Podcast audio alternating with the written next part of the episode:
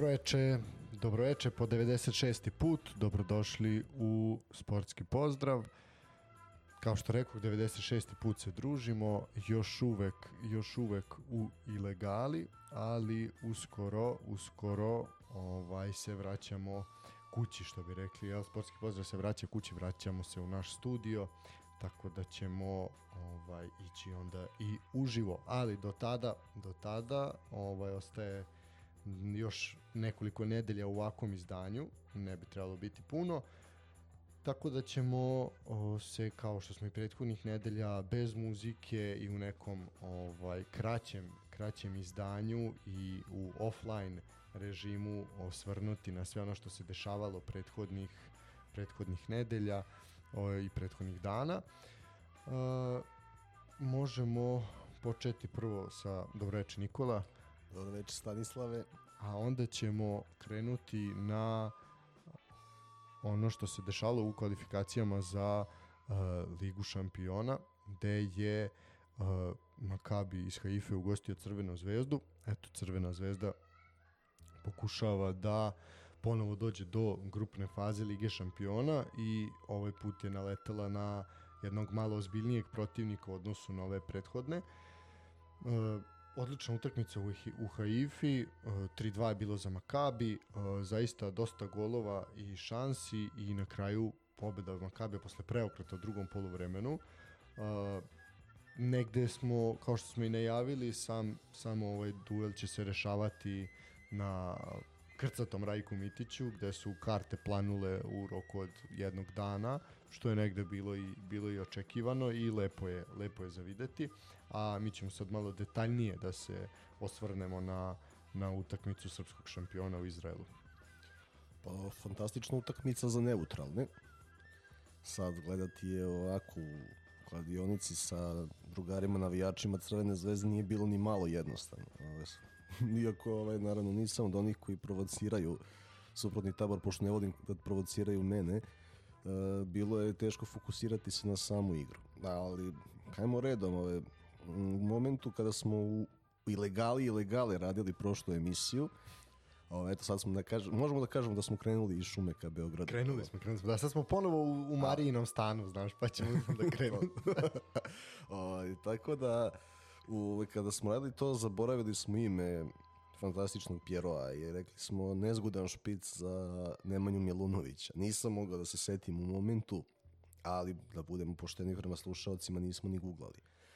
Tako da desilo se nešto što smo najavili da može da se desi i zaista trener Makapija koji sa Hapoelom Berš, Hapoel Berševom pravio slične uspehe je uradio ono što najbolje ume, a to je kada nema pritiska, nema intenziteta, znači njegove ekipe fantastično otvaraju linije dodavanja. Ako ih ne pritiskate dovoljno, uvek će naći dobro rešenje, uvek pas, uvek ide vertikala, uvek se pridodaju igrači u završnicu i ne smete da ih pozivate u kaznanje. Dejan Stanković je to upravo uradio u drugom polovremenu. U prvom polovremenu, posle negde od znači 20 do 45 minuta se jasno videlo da je Zvezda kvalitetniji tim. Da ima kvalitetni igrači, mislim, najplaćeniji igrač Makabija je čovek koji je Crvene zvezde oteran 2015. godine u onom Rasulu, Bogdan Planić, i to dovoljno govori o, to, o individualnom kvalitetu ekipe. E, Makabi je iznenadio, iznenadili su, mislim da Dejan Stanković nije očekivao da igraju toliko visoko e, od samog starta. Delovali su iznenađeno Rodragović koji je na to navikao u Bundesligi. Kao da se malo odvika od kad se vratio ovde da se odvika zato što, zato što nije imao, nije imao takve protivnike. Ne, u, u ovoj sezoni definitivno ne. I ne znam, znači, kao nije zabranjeno reći da je Dragović odigrao slabo ako je odigrao slabo. Naravno. On jeste veoma brzo postao sa razlogom ljubimac navijača Zvezde, ali pod pritiskom su svi bili izuzetno slabi u prvom polovremenu. Cela zadnja linija plus Kanga i Kangva. Pritom ja bih rekao da je Kanga opet pokazao da je najslabija karika u tom timu u, u posedu definitivno i na svojoj polovini. Sad tamo kad se našao u zoni koja njemu odgovara postigao je gol. Očekaj. Ok, da, ono, Ali... ono jeste njegova, da kažemo, specijalnost onakve, onakvi udarci, sećamo se i Krasnodara i već tako I, dalje. I da. Sparte iz Praga da, i Ludogoreca da. u razgradu. bez razmišljanja tehnika šuta, sve stoji, ali početi ovakvu utakmicu bez Sanoga, meni jasno. Vidim da je najavljen Sanogo za revanš, Da, verovatno nije bio spreman još potpuno. Mislim, ne, ne verujem šta, šta drugo može biti. on, on je izgledao dobro kad je ušao. Da. Ali kad je ušao, mislim, jel? Samo što o, najavljuje se Kangva na klupi, a ne Gaylor Kanga. To je ono što me iznenađuje, što mislim, ne, u suštini me iznenađuje kada znam ko je Kangi najveći fan, ali ali o, zaista ne vidim onda zašto je Kings Kangva toliko plaćen da bi sedeo na klupi. Da. A, sa druge strane, spomenuo si Dragovića, ja bih se nadovezao i na Erakovića, odmah, pošto su tu jedan pored drugog. E, Eraković je pokazao zašto nije veliki igrač, još uvek. Da li će on to nekada možda biti? Verovatno, možda, ako nastavi da se razvija, ali m, ovde je sad onako jednom prostom oku ovaj, bilo, bilo jasno vidjeti da taj Eraković, zašto on nije otišao iz Crvene zvezde, zato što on na ozbiljnom nivou ne može da igra, ovi su ga oduvali svaki put, Pa, pa, može da igra, ali centralnog beka, ne desno. naravno, ovaj, ali i u fizički on nema, nema snage da se nosi sa, sa, sa ovim ljudima, on je svaki put ostao ostao na zemlji. Mislim, tu, tu čisto malo, zašto skrećem pažnju na to, to su te priče, hoće Erakovića za 15 miliona, hoće Erakovića za 20 miliona, pa na kraju Eraković produži ugovor do 2026. godine. Znači, nemojte baš verovati svemu što piše. Pa, hteli su i Pavkova, navodno, sve vremeno za 12 miliona, to je... Taj ko bi dao 12 miliona za Pavku, a taj očigledno je slep. Ovaj, a ja nemam što drugo da kažem. U, u, u čast Milanu Pavkovu koju ovaj, za sve golove u dresu Crvene zvezde. Uh, ono što se ono što se jasno da. pokazalo e, to je da Makabi kad, igra, kad igralo se od druga polovina prvog poluvremena se igrala onako malo košarkaški napad za napad i tu se jasno pa da, videlo da je hitan rano. Kao, da. e, i tu se jasno videlo da u, u toj konstelaciji snaga Makabi ne može da izdrži zvezdinu fre- frekvenciju napada. Jasno se videlo ko je kvalitetniji tim i kada iznesu loptu kakva rešenja imaju fudbaleri Crvene zvezde, kakve su šanse promašili i Pešić i Buhari, ali e, nisu, nisu ih matirali do polovremena. Šta se ono dešava? Dejan Stanković, ne znam, možda je on otišao iz Italije, ali kao da je Italija, i to ona Italija u kojoj je igrao, onaj Tanačio kao da nije izašao iz njega. Nije apsolutno bilo nikakvog razloga odustati od te igre. Pozvao je Makabi u svoj kazneni prostor, za 6 minuta je primio gol u nastavku. I onda jednostavno vidjelo se da te ekipa psihološki reaguje loše, pritom postava koja je završila meč sa Kangvom na levom krilu, Benom na špicu, mislim da zajedno nije igrala tako ni na treningu. Ma da, to je, to je baš onako jedna neka improvizacija je bila već ono. Mislim, tu delo je kao da je on tu već malo izgubio konce. Ovaj, tu negde sredinom drugog, drugog polovremena. Mo, možda je neka ideja postojala, ja je nisam ovde video.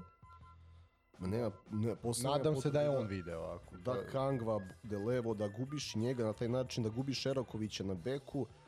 E, Gaj, praktično ispade da je zamjena za Milana Gajića Nemanja Milunović. I da sada e, tandem Dragović-Eraković koji je dobro funkcionisao je razdvojen. Milunović traži formu u pre, o, o, pre nego što je odlišao iz Crvene zvezde. Eraković nije desni bek, i počneš bez sa noga, posle e, uvodiš sa noga, gubiš Kangvu, e, Srnić sa nogu, Kanga pravi jednom drugom gužvu, Benji na 9, pokušava da se spušta, niko ne, nema, a Kangva nije igrač koji napada dubinu, Stefan Mitrović u svemu tome nije navikao da igra takve utakmice, nije njemu bilo jasno e, šta je tačno hteo Dejan Stanković. Mislim, sa Sanogom i Srnićem je hteo agresiju ponovno na sredini da uspostavi, ali onda je Kangva morao napolje u toj situaciji. Ili Kanga. Ovako, de, ne znam, ne znam zaista. Poklonili su Makabiju pobedu na njihovom terenu, ali sa druge strane tačno se videlo gde je da je Zvezda kvalitetniji tim. Sada 50.000 ljudi i opet e, krenut će agresivno. Ponaj njihov klasični početak evropske utakmice, neki huk, e, severa, koreografija, Da, u prvih 15 minuta Prvi, a ne, očekuju znači, da- instinkt, oni vole da šutiraju iz daljine, kroz generacije, znači iz daljine, rani centar šutevi, onaj, onaj njihov huk kada lopta ide 15 metara od gola, ovaj, hvataju se za glave kao da je 100% šansa, ali ta neka energija u prvih 15 minuta je nešto sa čime će Makabi zaista teško da se izbori. Pa dobro, ali eto videli smo, jeste tako, ali videli smo da ništa manje vrelu atmosferu nemaju ni oni na svom terenu. Znači, pritom je bilo najavljeno da će više, više hiljada navijača Makabija doći u Beograd. E onda je tu Crvena zvezda napravila jedan potez hm, koji je onako, koliko je opravdan, toliko je diskutabilan, a to je da uh, online kupovinu karata mogu da obave samo stanovnici naše države. A, mislim, možemo i to sad kritikovati iz jednog ugla, možemo reći, ok, ovo je pametan potez da bi zaista stadion bio kompletno obojen u cr crveno-belo, što će i biti, jel, po, ta akcija se sprovodi i najavljena i na prošloj utakmici da uh, će zapadna i istočna tribina biti crvenoj boji, a da će severna i južna biti u beloj.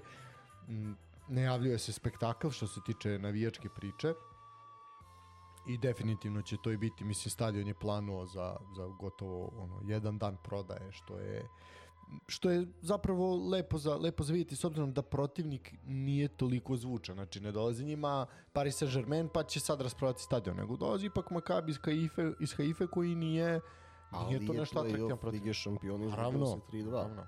Pa ali vidi, Oni- e, pa opet se oni- postavlja pitanje e, kako je to onda, ok, jeste playoff Lige šampiona, dolazi Makabi, to je negde, nije, naravno da nije krem evropskog futbala, ali ti onda da na utakmici uh, Super lige na Marakani bude, ili Rajku Mitiću, bude vrh vrhova 3000 ljudi. Znači, to je ono što je problem. Ubila se neizvesnost. Pa, da, ali... Znaš, jer kada, kada su ove, imali su, onda kad su sprodili akcije, želeći se na toleta, sprovodeći mobilizaciju, bilo ih je 40.000 protiv Borča. Ajmo, pa je bilo i besplatnih autobusa za Beograd i razno raznih To i akcija. sada, kupiš jednu, četiri hvalili karte. Su da. se, ma, hvalili su se sami kako imaju, preskaču sever i ostalo samo da, da, ovaj, da nekako uđu i to je tada funkcionisalo tako. Među vremenu nekome nisu potrebne uh, manifestacije tog tipa i toliko masovne. Tako da malo se, nadam se da će se vremenom vratiti taj kult među ljudima da se kupuje karta svim navijačima za domaću ligu. Ove karte su planovale očekivano brzo, prepoznaju moment da napune stadion na domaćem terenu preokrenu situaciju. E sad ono što mene zanima šta ćemo Pa Zvezda će sigurno imati dovoljan broj prilika u prvom poluvremenu. Ja u to nemam dilemu. Šta ćemo ako se ne postigne A pogodak? ako se golman razbrani, zanima me reakcija u drugom poluvremenu. Mm, to će biti zanimljivo za Znaš, vidjeti. pe, pe, ono, znaš, jer kad 50.000 ljudi postaje nervozno, uh, to se prenosi na igrače kao što će im sigurno, ja nemam dilemu da će im preneti sjajnu energiju u prvih 20 minuta, da će to da bude agresija, osvojene lopte, da kreće sve od sa noga, da Kata i Ivanić menjaju pozicije, prave haos, Šiljo Pešić, trouglovi sa njima, izolacije za Bukarija, Kanga iz drugog plana. Ako pričamo o najavljenom sastavu, sada ne bude da... Da. Ove, ali Darijan i Moca Sport redko greše dan ranije kada najave sastav. Tako da možemo očekivati sa noga mesto Kangve. E sad, ono što mene ne bi iznenadilo, a ne znam duše nivo fizičke spreme, to je da startuje Gobeljić na beku zbog širine. Pa to bi imalo smisla. To bi jako imalo smisla, ali je to sad veliko pitanje.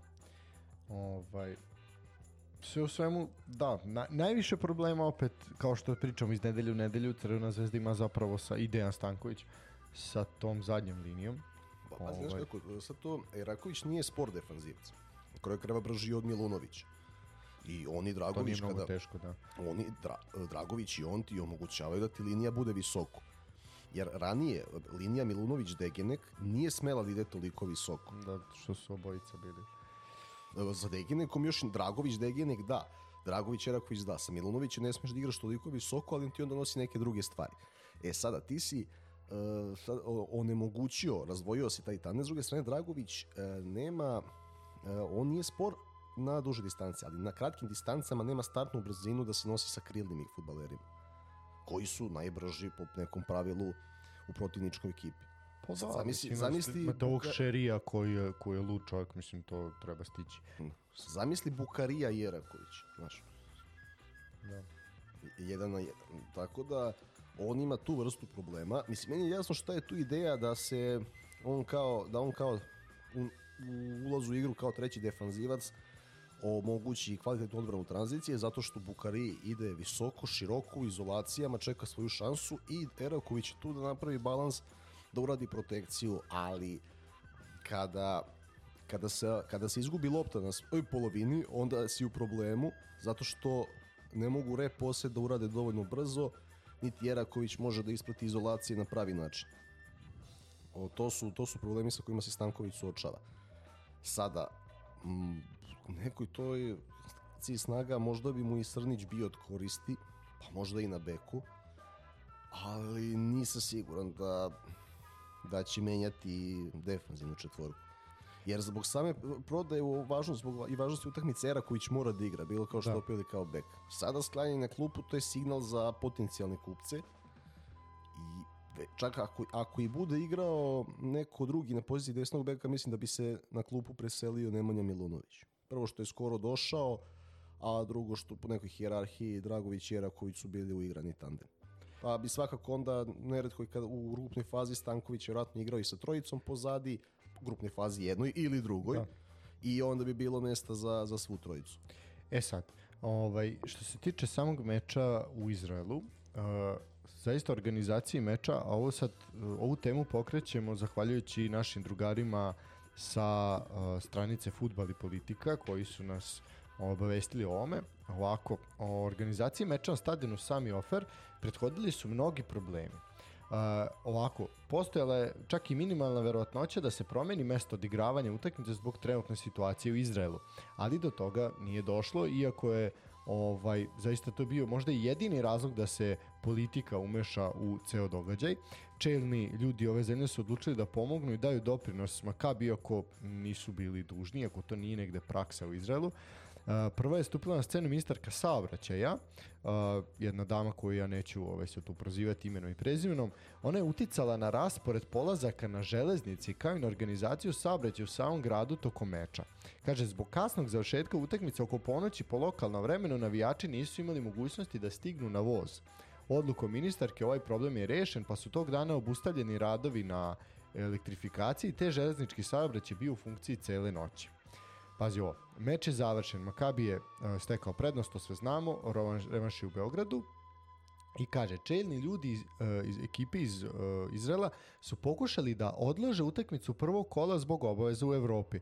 Ali naravno to je praksa kod nas, to mislim kod nas, kažem kod nas mislim na Balkan uglavnom, ovaj vrlo redko gde po Evropi ćete vi vidjeti da neko odlaže utakmicu u prvenstvu zbog uh, zbog ovaj obavezu u Evropi, jer svi prave ekipu da može da igra dve utakmice u toku nedelje. Elem, kao što rekao, Savez je to odbio. Uh, pravilo izraelskom futbolu je jasno, nijedna ekipa nema pravo da pomera termine od igranja meča u domaćoj ligi zbog obaveza na međunarodnoj sceni.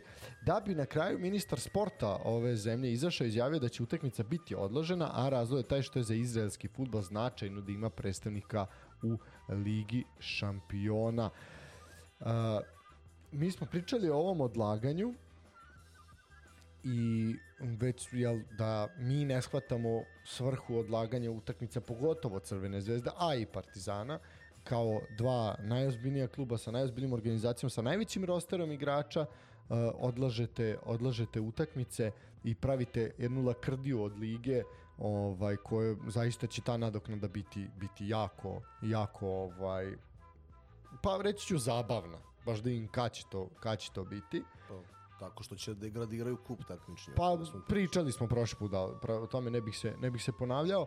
E, a Elem sa druge strane ste imali prošli, prošli vikend, tačnije pretprošli, imali utakmicu između uh, Hajduka i Dinama, gde i jedni i drugi u tom momentu igraju izuzetno bitne utakmice, jedni u play-offu za ligu šampiona, drugi u play-offu za ligu konferencije, sa ozbiljnim protivnicima, ne umanjujem protivnika Crvene zvezde nikako, Partizanovog protivnika zaista je suludo komentarisati. Ovaj, I oni ne odlažu najveći derbi hrvatskog futbala jer shvataju da je to loše za brendi, za ime kako kluba, tako i lige. Znači šta mi pokazujemo time ako se sklanjamo uh, Pazi, Crvena zvezda se sklonila Vojvodini i Čuka, tačnije sklonila se od Vojvodine i Čukaričkog, Partizan od Napretka i Spartaka, tako? Tako je. Da. A ovde imate, ko, zašto? Pa nećemo se sklanjati. Zašto bi se Hajduk ili zašto bi se Dinamo sklanjao, sklanjao od ove druge ekipe? Nego ajde da igramo pa ko bude bolji. Ok, Dinamo je bio bolji, 4-1 je na kraju bilo, trebalo je da bude i mnogo više za, za zagrebačku ekipu, ali ajde, nećemo se time, time baviti. Tako da imate, zašto sve ovo pričam? Imate različite pristupe, pristupe ovaj, i shvatanja takmičenju i učestvovanju kluba u Evropi. Kod nas je to se ide na život ili smrt, tako deluje, i onda se degradira takmičenje, znači degradira se nikad jača Superliga Srbije kako je ovo sad, ovaj, jer smo 11. na, tom, na, tom, na toj rang listi, da bi se šta? Da bi se ovaj odigrala utakmica protiv Hamruna. Da biste odigrali, ok, jednu kvalifikaciju, ali protiv Pjunika nije bilo smisla odlagati, po meni. A ne putuje se na... na... Apsolutno nikakvog. Evo, evo ti sad pitanje. Da li bi Dinamo, možda Dinamo ne bi izgubio u Norveškoj prvu utakmicu da nije igrao intenzivan derbi sa Hajdukom, a možda ni Hajduk ne bi primio baš četiri gola. Tako je, vidi. Ali su odigrali muški, otišli su na evrogostovanja, mnogo teža nego ona koja imaju Dobro, ajde, ne Makabi. Ne, Makabe, ali, ali, što se tiče Partizana, na pri tome Stvarno. Partizan igru u ali, ali Pjunik nije bude Glint, znaš. Pionik ne da nije, da, nego. Mislim, pogotovo imaš 5-0 iz prve utakmice. Da ja sad kažem da su oni igrali 0-0 ili da su izgubili, pa imaš kao naš, ono, pa sad ti treba nešto da vijaš, tu kao moraš da daš. Druže, pobedio si 5-0, ali možeš mladince da izvedeš, ono, pa mislim. To su, pazi, to su, to su te, uh, to su ti alibi kada stručni štabovi vide propuste u pripremama. S tim da mislim da, je, da se o tome radi, samo što ne možeš tako da izjaviš. Naravno, da. Da odlažemo utakmice, Za interes srpskog futbola. a ne, Da. Želimo da nekim igračima damo sedam dana i osveženje jer su možda pretrenirani. Ili u Partizanovom slučaju novi stručni štab pa sad imaju sedam dana da rade na fitnessu, da vide koje, koje uspreme, da se oporavljaju povređeni i da oni se suštini spremaju za večiti derbi, a dve utakmice pre toga će da samo da istrče i da, da odrade. Sve što budu spremali, spremaju za derbi i sakriće narednih 180 minuta. A o tome ćemo kasnije. Da. Uh, što se tiče što se tiče ovaj uh, Crvene zvezde ostala je još vest da se prokomentariše da je Milan Pavkov blizu odlaska iz Crvene zvezde da bi on u nekim narednim danima trebalo da potpiše ugovor sa Al Fejhom iz Saudijske Arabije, čiji je trener Vuk Rašović, a u ekipi je Vladimir Stojković.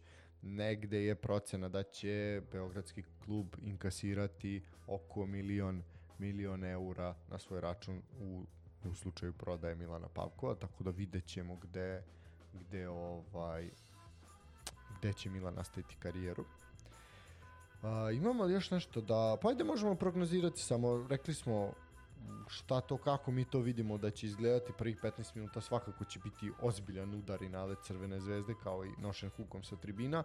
A, navijači su pozvali da bez obzira na ružno vreme da se dođe, pošto se više puta tokom istorije dešavalo da se stadion rasproda, da onda padne kiša i da nema ni pola kapaciteta, ali su rekli da se ipak dođe. Imaju onu čuvenu pesmu koja govori o Da. vremenskim prilikama, pa neki ispuštuju. Pa na nju su se i pozvali.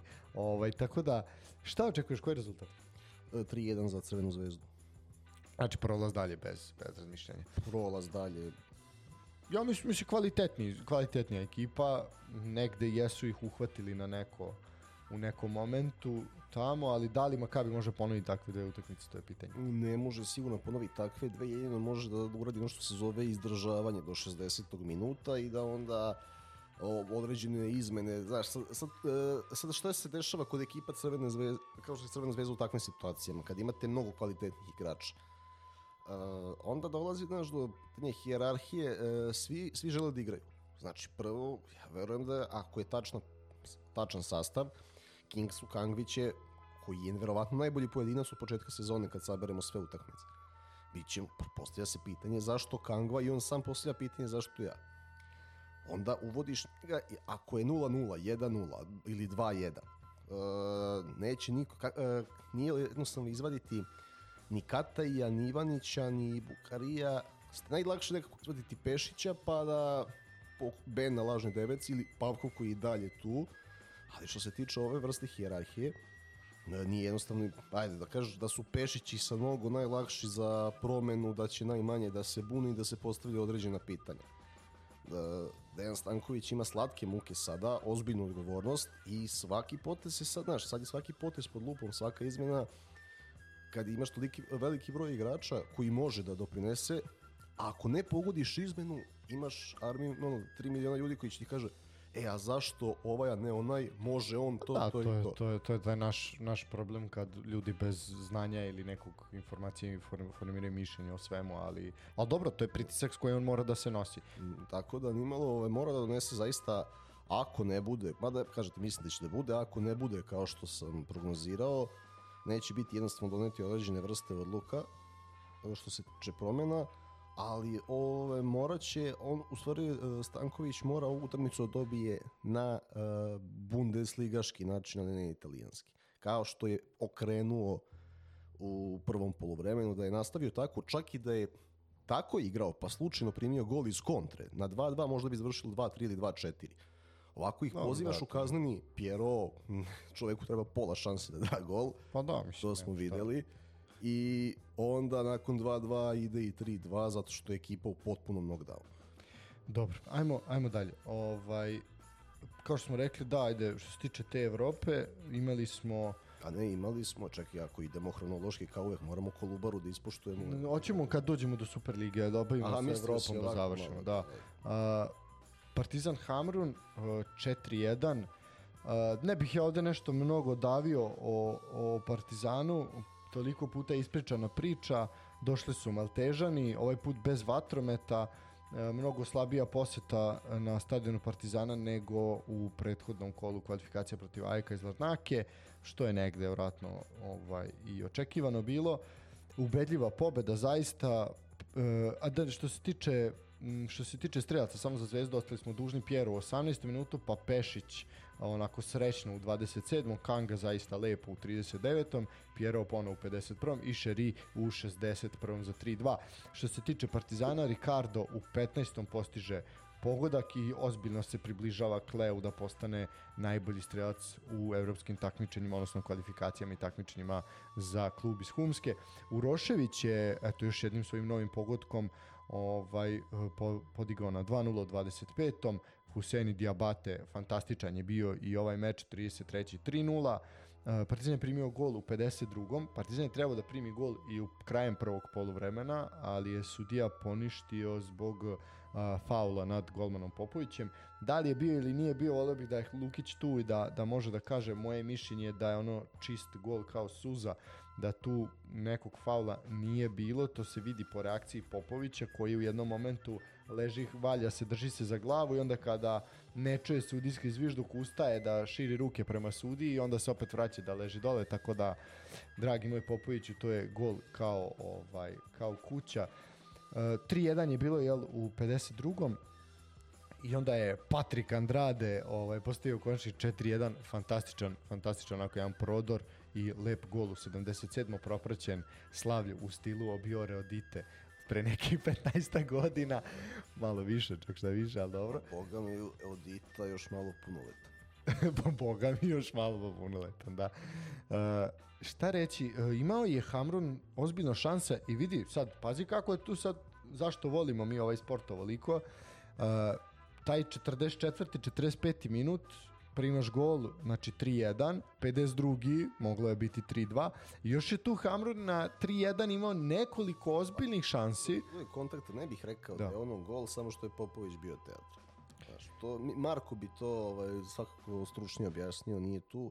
Nadam Ja, da ja mislim da ono baš malo, malo, je, malo je tu Partizan imao sreće više nego što imao pameti, ali prvo i pre svega reakcija Popovića je kriminalna u onoj situaciji, znači ne možeš Ne, ne, onako on je re- imao sreće što, za intenzivniji kontakt futbalera Da. Hamruna. Ali, što striktno futbalski, mislim da faul jeste postojao, da je on bio teatralan jeste, kad je, znajući da je pogrešio, Da, pa je bilo da, vadi se, da. da faulira, a ove što se tiče, pa znaš šta je meni najinteresantnije u celoj priči promjena formacije i to što nije počeo Nathu. To, to je svakako, do, do toga ćemo doći, to je nešto što je najviše privuklo pažnju.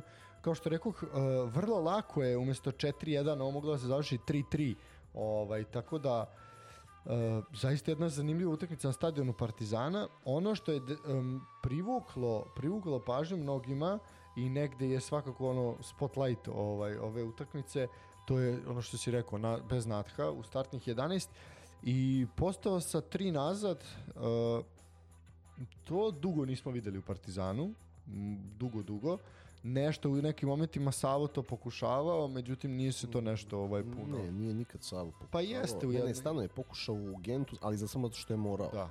Zbog Zdjelarović Čekića. A zadnji put pre toga da je Partizan to igrao, da kažem ak aktivno to igrao je sa Mateusom. Mislim, ono, ne mogu se telje posle Mateusa to neko... E, pa, znaš kako, u onih isto je bila neka serija povreda u onom periodu kada je trebalo proći Young Boys protiv Vojvodine i Voždovca je Miroslav Đukić vezao dve utakmice sa tri centralna beka i mimo toga zaista ne mogu da se setim. Mm, ajde sad ovako, mislim da što se tiče, nije to toliko loše ni, ni izgledalo. Uh, Partizan bez Natha može, pokazalo se. Uh, s tim da Partizanu trebaju, trebaju pojačanja. Uh, to je ono što je sad apsolutno svakome, svakome jasno i bilo je jasno, a sad se samo potvrdilo. Ovo je jedan, mislim, meni, meni je bio jedan zanimljiv, zanimljiv partizan za gledanje. Uh, partizan koji, ok, jeste se možda malo mučio ali u osvajanju lopte, ali na kraju krajeva dugo, kao što, mislim, svi ti igrači, znaš, ti kad si profesionalni igrač, ti moraš, ti si nekad u toku svoje karijere, ono, prošao u takvoj formaciji da igraš, ali ok, nemaš tu neku rutinu, ali ajde da vidimo da li će Gordon Petrić ovo insistirati na ovome. Ovo može biti zanimljivo u svakom slučaju. A, može biti veoma zanimljivo i a, bilo bi zanimljivo da su još neka najavljena imena stigla u Partizan koja ipak neće ili neće stići, ako stignu stići će 1. septembra nakon derbija. To ćemo da vidimo kako se završava prelazni rok Partizana. A, šta se, jednostavno, u, pošto futbaleri u veznom redu fale kvantitativno i drago mi je da pristižu polako. Zdjelar i Jevtović su otišli, uprava je skandalozno reagovala prvo na odlazak Jevtovića, e, koji je pritom pokrivao dve pozicije, koji je Ilije Stolici bio najbitniji šraf na priprema za uspostavljanje sistema koji inicijalno hteo da igra. Zatim, e, Saša Zdjelar, kapiten, četiri i po godine u klubu, odlazi za jednu mizernu klauzulu, skandalozno napravljenu pri produžetku ugovora zbog penala Olimpijakosu i ne reaguje se. Ljubomir Fejsa umire, da ga zameni može samo Kristijan Belić koji objektivno nema kvalitet. Nema kvalitet da. To smo vidjeli. I dolazi se i desilo se šta se desilo protiv Larnake.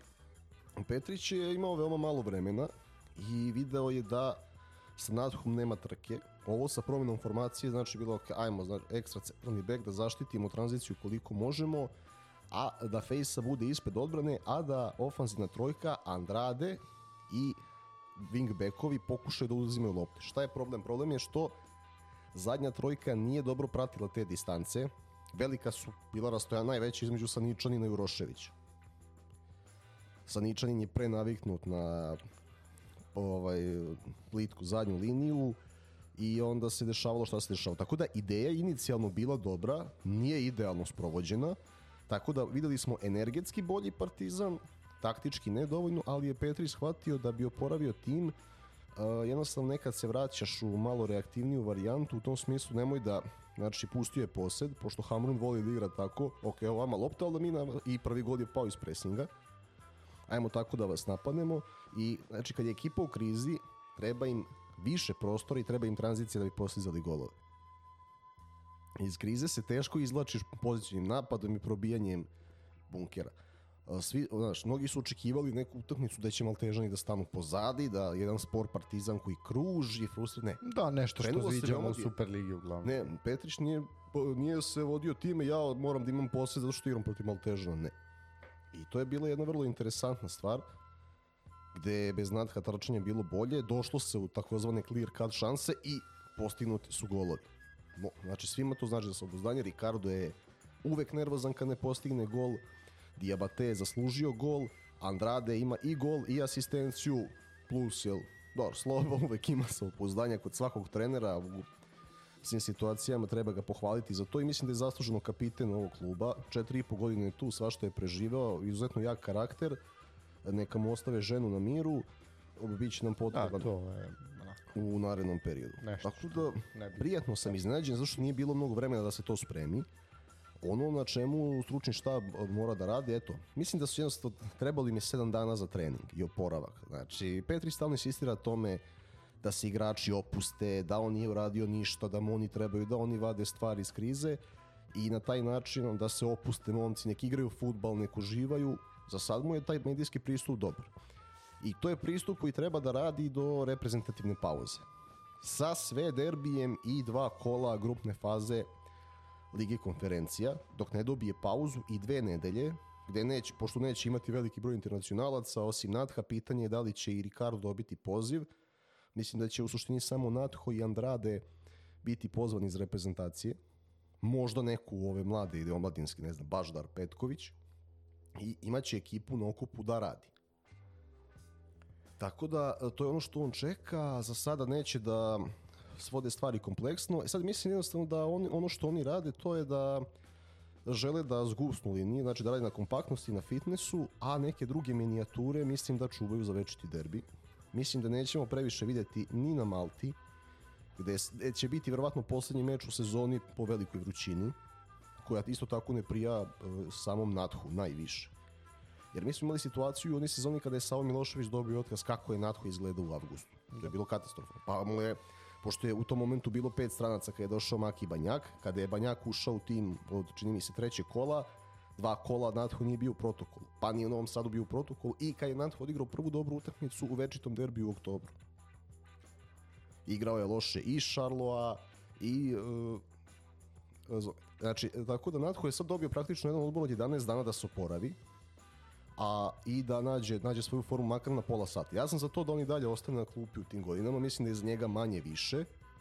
Da, pa dobro, da, to je I za njega i za Fejsu. da. E sad do, dolazi interesantan igrač, Hamidu Traore. E, upravo, to sam htio da, da, da pričam o tome. Pa, evo, navijači Partizana od odlaska Evertona prizivaju nekog sličnog i mislim da su ga sada dobili. Pritom, u, naj, u punoj snazi 25 godina, Tako je. povremeni reprezentativac Malija, zaista izuzetna fizička sprema, duel na zemlji. E sad, što se tiče ostalih taktičkih i tehničkih atributa, moramo da, To ćemo da vidjeti, sačekamo. da. Ali, sada dobijaš trku, sad možeš da rasteretiš fejsu i da se nadaš nečem. E sad, to je nešto što je, da kažemo, definitivno, jel, trebalo bi biti. A pojavila se jedna priča koja je onako nama malo zanimljivija, a to je priča o dolasku Gojka Cimirota. Gojko Cimirot je iskusan vezni igrač, uh, isto neki zadnji vezni recimo, ko eto, bio je, sad je trenutno futbaler standarda iz Liježa, uh, momak rođen u Trebinju, ponikao u Leotaru, igrao u Sarajevu i Paoku, nosio je državni dres uh, reprezentacije Bosne i Hercegovine 36 puta. Jedan zanimljiv, zanimljiv igrač, nama srcu drag. Uh, i vidjet ćemo. Ja bih voleo da dođe do ovog transfera, jer mislim da je takav igrač Partizanu potreban, ali vidjet ćemo šta će od toga biti.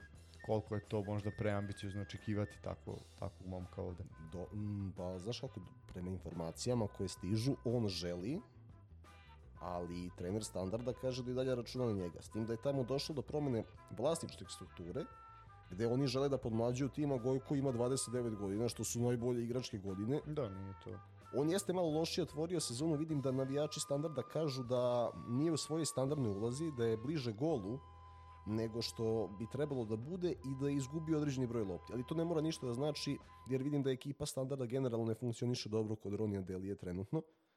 Tako da svo, u ovaj tim Partizana mislim da bi, ako je, ako je to onaj nivo spreme koji je imao sa početka karijere u standardu i posebno u Paoku, bio bi veliko pojačanje. E sad, uh, kažem, ja bih, ja bih voleo, nisam ga pratio toliko u standardu koliko jesam zaista u Sarajevu i Paoku i znam kakve partije je, partije je pružao, ali definitivno ono što Partizanu su neophodni igrači na toj poziciji kao što si rekao i definitivno, definitivno se mora, mora pojačati. Uh, što se tiče... Će, ako dođe i Cimirot, jednostavno to je bilo, prvo je bila priča, jedan defanzivni vezni i desetka.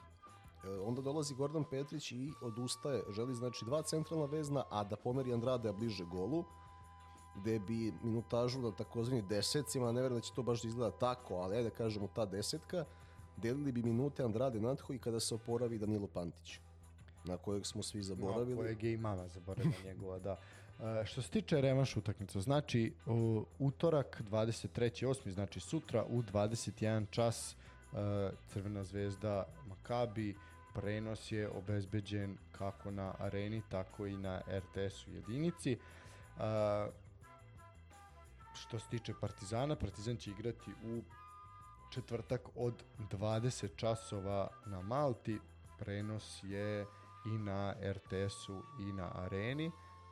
Ovaj, to je što se tiče ovih kvalifikacija, tu ćemo onda videti ko će gde šta dalje, pričat ćemo onda i o grupama i tako dalje i tako dalje. A ja bih se sad polako prebacivao na našu ligu. Uh, odigrana je zaostala utakmica, čini mi se trećeg kola, tako je, između Kolubara i Radničkog iz Niša i u Lazarevcu su domaći momci savladali uh, Nišlije sa 1-0.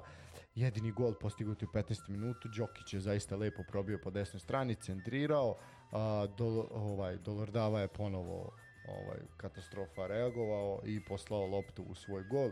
A, inače treba reći da je raskinut ugovor sa njim, ovaj, tako da će on svoju sreću tražiti negde drugde. Uh, Nišlijema je ovo bio... Raskinuti ugovor s kog on je jel drugi ili treći defanzivac i sa oba golmana su raskinuti ugovor. A da? Mlađović, Lordava i dva golmana. I dva golmana, da, ozbiljno, ozbiljno haos u, u Nišu se dešava. Uh, Nišlije su doživjele treći poraz, ovo im je bio treći poraz u, u četiri utakmice, a u tom periodu je Kolubara dve pobede uz dva remija i Kolubara zaista, zaista lepo, lepo sakuplja, sakuplja bodove. Uh, pričat ćemo naravno, kažemo, ovo je za ostalo utakmica treće kola, imat ćemo još jednu u toku ove nedelje, nju ćemo najaviti, a sad idemo na to nepotpuno sedmo kolo. E, ja bih samo, što se tiče Kolubara, istakao igru Dimitrija Petronijevića, eto igrač na kojeg ću obratiti pažnju u narednom periodu. E, momak koji igra u vezi levom nogom, a jednostavno bira rešenja i desnom, e, nezavisno od toga da li dodavanja prolaze, ali sviđa mi se kada igrači kontra nogom upute dodavanje iz prve ako vide pravu opciju, tako da, da ga pohvalimo. I pa dobro, generalno... imamo još jednu priču o Kolubari svakako, pošto ih dva puta Pa dobro, ali nešto se tiče te utakmice da, koju da, sam da. gledao u prvom poluvremenu, bio je najbolji na terenu, broj 8, Dimitrije Petronijević, neka slušalci obrate pažnju, uh, svaka čast momku. Uh, Novi pazar napredak. Uh, to je utakmica koja je otvorila u petak ovo sedmo kolo, kažem, nepotpuno. Uh, šta reći, uh, Novi Pazar nastavlja ovaj zaista tamo gde, gde je stao i prošle nedelje četvrta pobeda u nizu i eto u jednom momentu su izbili na treće mesto tabele Superlige što je zaista fantastično. Je, Vladimir Gaćinović je apsolutno zaslužio poziv u pregled kola na Areni Sport od Gorana Svilara. Uh, jedna zaista onako prava borbena takmičarska utakmica. Nije to sad bilo nešto pretrano lepo za gledanje, ali je bilo, bilo zaista zanimljivo i onako pucalo je u, u svim delima terena. Uh, eto, to, smo, to smo i najavili tako je. eto, pogodio se gol napretka.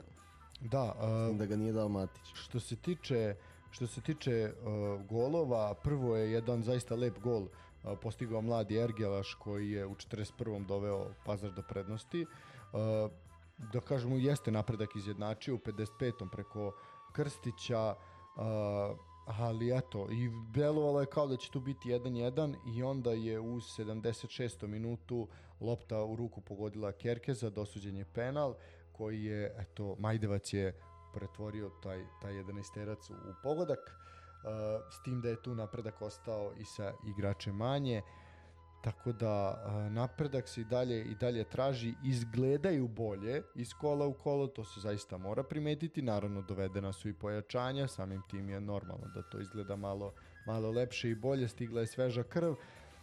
A Novi Pazar nastavlja, Novi Pazar nastavlja tamo, tamo gde je stao i onako vidjet ćemo, sad samo ne bih da ga izbaksuziraju tako što su ga zvali u pregled kola pa da onda tu pukne pukne. Ovaj. Tako su i Rastavca pozvali u pregli kola, pa ne, može, ne mogu da pobede nikako posle toga. Sve u svemu, šalim se naravno, ali ovaj, tako da, eto, možda postoji ta neka, ovaj, to je kao u Premier Ligi kad dobiješ za trenera meseca, odmah izgubiš sledeću utakmicu, to je prokledstvo. e, to je 2-1 za Novi Pazar, rekli smo, znači Krušeljani su ostali na dva osvojena boda i zaista su daleko od optimalne forme, a nisu zaista ni u malo zavidnoj poziciji. Uh, idemo dalje, subota, uh, Vojvodina Mladost. Uh, to je utakmica u Novom Sadu, utakmica koja Uh, ajde ovako, prvo bih to razdelio na dve strane. Prvo bih se zahvalio futbalskom klubu Vojvodine što je, uh, što je našoj redakciji omogućila da ove sezone prisustuje na svim utakmicama na Karadžođu i to je zaista jako, jako lepo. Eto, prepoznali su ovu našu priču kao što mi prepoznajemo njihovu i eto, zahvaljujemo se, zahvaljujemo se klubu. Uh, zaista, zaista lepo, tako da eto, ako budeš želeo, možeš da ideš na Karadžođe svaki vikend da gledaš.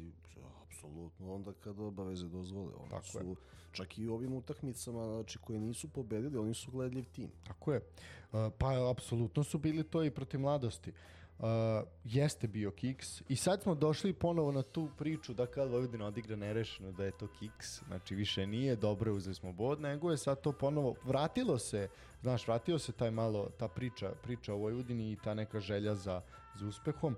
Uh, drugi nerešen ishod na tri odigrane utakmice uh, na, na Karadžođu uh, bod jeste ovaj put odnela mladost, tako da kažemo, eto, na neki način su nastavili tu seriju dobrih rezultata nakon one pobede nad Surdulicom u prošlom kolu. Uh, Vojvodina se žalila na suđenje, ne samo nakon ovog meča, nego i u toku samog meča su navijači sa severne tribine istakli transparent koji je, zbog kog je prekinuta utakmica dok se on nije sklonio, gde su prozivali VAR ovaj, uopšte jel, sudijsku organizaciju.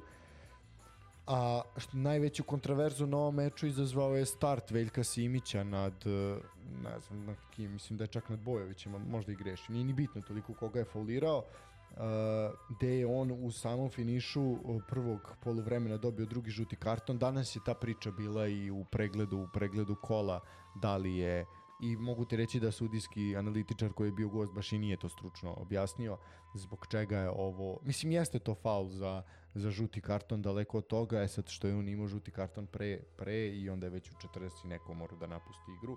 Tu se, tu se vide ozbiljan problem i tu je delovalo da onako će se Vojvodina namučiti. Jeste Vojvodina jaka, lepo igra, ali sa igrače manje baš i ne može. Uh, što se tiče pogodaka u 56. minutu iz dosuđenog 11 terca Nikolić postiže pogodak da bi Bojović u 67. izjednačio na 1-1. Bojović je ovo, mislim, peti gol već u ovoj sezoni. Pavkov, on i ko je treći? Štulić. Štu, Štulić, bravo. Listi da... strelaca, Milan Bojović koji je kao vino, obara rekorde e, iz sezone u sezonu, ne nazire se kraj, želimo mu da nas, da nas i dalje uvesljava na terenima znači Super lige. E, ono što mi je drago da se publika u Novom Sadu aktivirala po tom pitanju, da su ambicije porasle, jer zaista su olako počeli da prihvataju poraze od Crvene zvezde u Novom Sadu. I sada mi je žao što se utakmica nije odigrala, vidim da su besni, vidim da u ovom momentu posle dužeg vremena više spominju Zvezdu nego Partizan i sad krajnje je vreme da ta tri rivalstva, taj trogao rivalstava ponovo zaživi, da s jedni drugima je, svi uzimaju bodove da bude krajnje neizvesno. Možda je ove godine došao trenutak za to i možda je ta utakmica je svesno i odložena za to. Uh, tako da mi veoma interesantno će biti kad god da bude odigran. Tako je, apsolutno. Jer sad je evidentno da će stadion biti pun. Pun je inače, ali sad će biti ponovo i druge strane. Možemo da očekujemo pravi derbi kada god se bude igrao. Vojvodina pobedila ili izgubila ima intenzitet što je dobro. Znači, momci zaista su spremni i grizu, ne ostavljaju publiku ravnodušnom i bez obzira na ovih 1-1 ja očekujem da se dobra poseta ovom sadu nastavi na prvoj sledećoj utakmici. Tako je. Apsolutno se slažem. Saglasan sam sa tim zaista i... Posebno ako se Nemanja Radoja vrati u klub. A to, to je vidi, to je sad jedna već ozbiljna, ozbiljna onako priča. Ovaj, ali već, evo, i sam Albašić je ponovo ponovo bio na visini zadatka. Mislim, ne, sve to, ne samo on, sad sam njega Pazi, istakao. mi ali- znamo da, uh, mi znamo da je prošlo leto Radoje odbio da pređe u Crvenu zvezdu, on je dete Vojvodine. Uh, Partizan je navodno ovog leta pokušao da uspostavi neki kontakt. Vidimo da, s, iako, na- znači na toj poziciji su mu potrebna pojačanja, vidimo da se ne pominje Radoja, da je stigao Traore, da se pregovara sa Cimirotom. Ako se vrati u Vojvodinu, to je potez koji mora da se pozdravi. No, apsolutno. To je... jer sigurno je Partizan i Zvezda mogu više da mu plate. Bez obzira na Vojvodinin novi veći budžet, sigurno mogu više da mu plate beogradski klubovi. Ja, to je zaista potez za poštovanje ako dođe do isto. Tako je. A, dobro, to je manje više to što bih ja nešto pričao o Vojvodini. Žale se na suđenje, danas su isto ovaj, priča je bila oko tog crvenog kartona, mada ne, tu šta priča, mislim, čovjek je napravio faul za, za žuti karton, to što je njemu bio drugi u tom ranom fazi meča, relativno ranoj fazi da dobiješ crveni karton, to je, to je druga stvar, ali dobro, mislim, jasno je da su želje, želje porasle i apetiti i da onda se ide, ide ka tome da, znaš, shvataju da, da ne treba da gube bodove na ovakvim mestima, to je, to je jasno, ali dobro, Nadam se da će apetiti da im porastu dodatno i da žele, žele neku titulu iz pote i da evropske ambicije budu veće. Tako je. A, idemo dalje. E sad, a, pričali smo o Javoru kao o najprijatnijem iznenađenju ove sezone i Javor je, ovo je po meni iznenađenje kola. Ovo je apsolutno iznenađenje kola. Sve rezultate u Ivanjici između, na duelu između Javora i Radničkog 1923 sam mogao da pretpostavim, ali da će Javor izgubiti 1-0 i da neće postignuti pogodak ovaj Javor ove sezone, rekao bi nema šanse. Ali Radnički je izdržao, Javor je napadao, bilo je tu zaista opasnih napada, uh, naročito u prvom poluvremenu, a onda je Miloš Vidović jednim zaista jako, jako lepim golom doneo pobedu gostima iz Sad Kragujevca. nisam vidio, proti kad budem pošten, sve golove, apsolutno sve, mislim, meni je najlepši gol kola možda Vidovićev. Pa ja mislim da jeste. Što se tiče akcije, najlepša je ova danas, koja, koji Što sad se tiče, da, ali što se emisija, tiče samog se tiče udarca. da. udarca Vidović. Da. Uh, definitivno, zaista u 65. minutu jako, jako lep, lep udarac.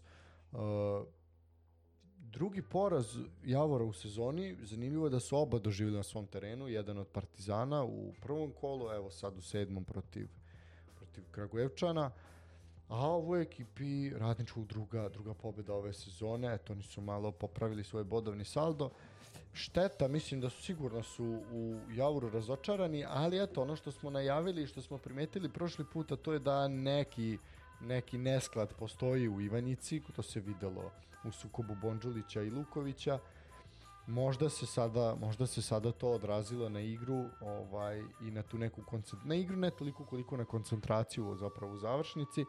Ali dobro, vidjet ćemo, možda mi, možda mi i grešimo. Možda je to samo bilo moment. Uzet, posle ovakvog starta izuzetno je teško za ekipu poput Javora da ima tu vrstu kontinuiteta. Negde je to moralo da se desi. Ja sam očekivao možda sledeće kolo u gostima. Desilo se jedno kolo ranije. To ne umanjuje Javorov kvalitet Naravno. ove sezone. M, Čak nije to ni toliko, jednostavno Radnički je svoju šansu iskoristio. Javor nije imao dovoljno 100% šansi, baš toliko izglednih pozicija za udarac, nisu su, ove, iskoristili nametnuti ritam. Vidović je majstralno pogodio, odnali su tri boda, to ne treba da obeshrbi Javor. Tako da vi- vidim da Bonđulić je bio smireniji nego Mhm, kad je davao izjavu. Da. Kao da je uvideo sobstvenu grešku, bio je smiren, rekao da igračima ne zamera ništa, da da misli da su bili bolji rival u uređenom delu utakmice, da, da nisu iskoristili svoje šanse i da će istom igrom nastaviti u nastavku sezone. Uh, dobro, idemo dalje. Uh, naredna utakmica TSC u Topoli je dočekao Novosadsku mladost.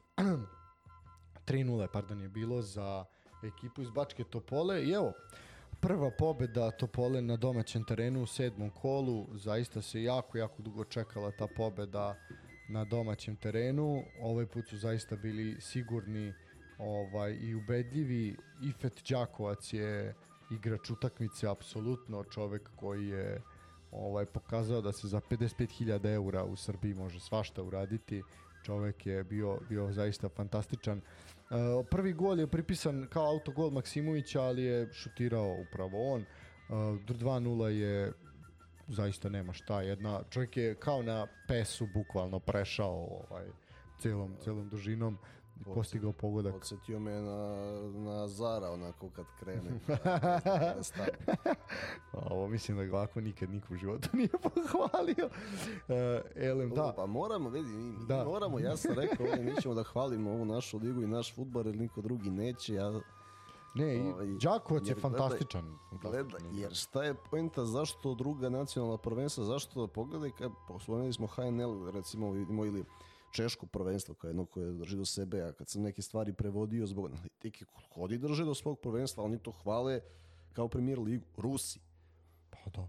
kao, koji su objektivno najprecenjenija liga u Evropi, obzirom na da kvalitet futbola i plati igrača, ali oni, znači, Ruska premijer liga, njima je to prime time, zna se šta se gleda i uh, tako da kad bismo mi malo više, ajmo, znaš, malo hva, u naš futbol na kraju bi oni došao na taj nivo, znaš. Pa naravno, ali mislim, to je ono što je negde, to mi smo pričali prošli put. Znaš, kako ono kažu, pravi se dok ne postaneš. Da. Uh, pazi, Ife Đakovac je ozbiljan igrač. Ife Đakovac je igrač koji bi ja da sam trener bilo kog kluba u Superligi želeo da imam na terenu.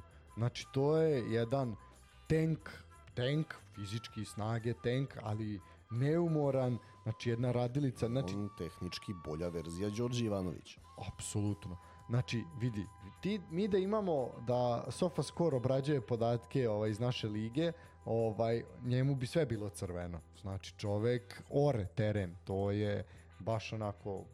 Ne, ja sam oduševljen njime bio e, prvog momenta kad me oduševio bilo je na otvaranju stadiona u Topoli protiv Ferencvaroša, tu je oni postigao taj pobedonosni pogodak u nadoknadi vremena ali i posle je pakovao u džep mnoge, mnoge, mnoge superligaške igrače, tako da potreban je i tekako ekipi Topole. E, konačan rezultat postavio Petar Ratkov, eto, mladi Ratkov u 76. minutu za 3-0. E, moglo je ovde biti i ubedljivije, ali mislim da su i tekako zadovoljni u Topoli, konačno je došla ta pobeda, trebala je i negde, negde je malo splasnulo to sve u prethodnih nekoliko, nekoliko kola i uopšte i taj osjećaj tog nekog hajpa u Topoli je onako dosta negde opao.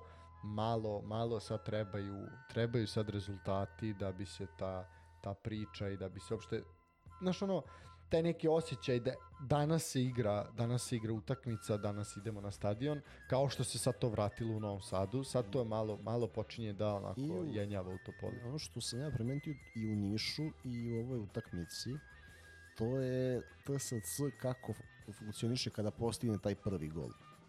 Znači, dosta zavisi od gola, dosta je nervozu u ekipi i onda eto namesila se ta situacija kako se namisle da povedu i do kraja su odigrali fantastičnu utakmicu. S druge strane, kad videli smo kako to izgleda kada prvi prime gol, iako neke stvari koje se dobro urade, fali završnica, završni pas, teg, to tako da moraju da se slobode, da shvate da rade to što što rade, rade kvalitetno i da ako se i ako protivnik povede da utakmica nije izgubljena. Veoma teško se vraćaju, a sa druge strane veoma teško i gube prednost kada je steknu. Uh, idemo dalje. Uh, e, duel dva bratska kluba uh, radnika u Surdulici i radničkog iz Niša. Uh, radnički iz Niša u katastrofalnoj situaciji, možda jedini koji su u gore situaciji upravo Surduličani koji su baš onako u problemu.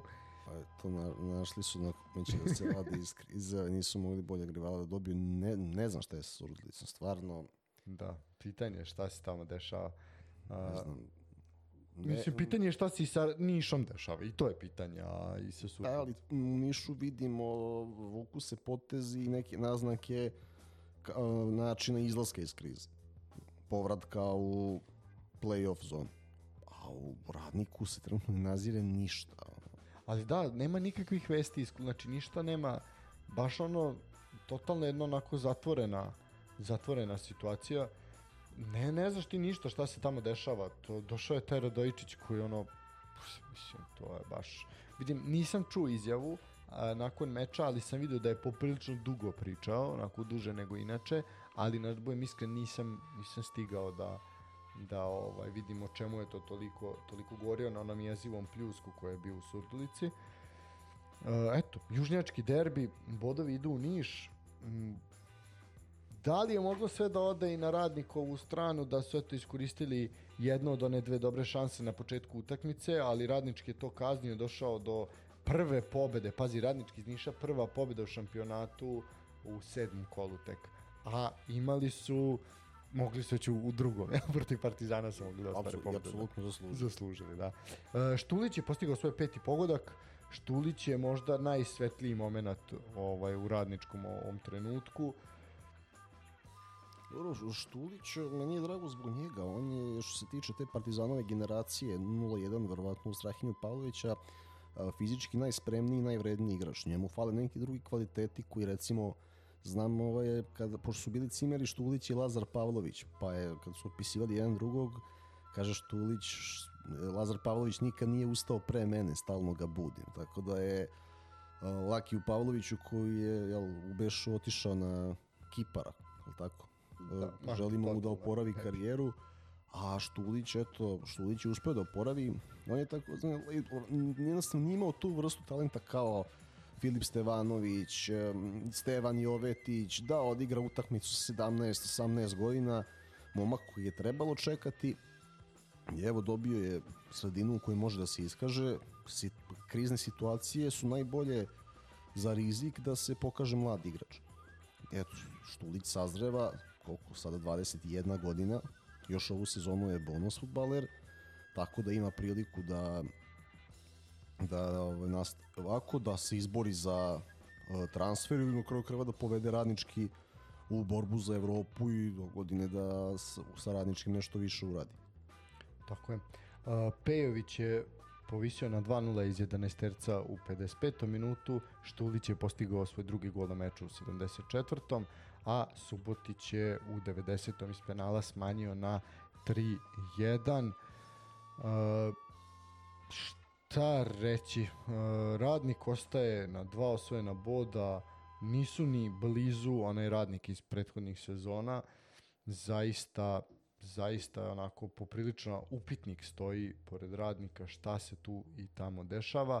A eto, radnički je sa Mrkićem ostvario prvi, prvu pobedu u šampionatu i vidjet ćemo da li to, da li to znači neki preokret preokret na ovom koloseku, da li će sad to krenuti stvari na neku drugu stranu, Moja prognoza je da, da Radojičić se neće dugo zadržati u radniku. kao i bilo gde. Pa u svakom slučaju, ako ne pre na proleće, neće biti trener. Što se tiče radnika, mislim da imaju dovoljno i sredstava i infrastrukture igračkog kadra da, da prepustimo greške da se u toku sezone iz, spasu jel, ispadanja, ali da je zabrinjavajuće kako izgledaju. Recimo, i, kod napretka ti vidiš da se nešto dešava u igri, da polako, prvo su, Sazrevaju. krenuli su od defanzive pa su počeli polako nalaze neka rešenja u završnici, to nije dovoljno dobro.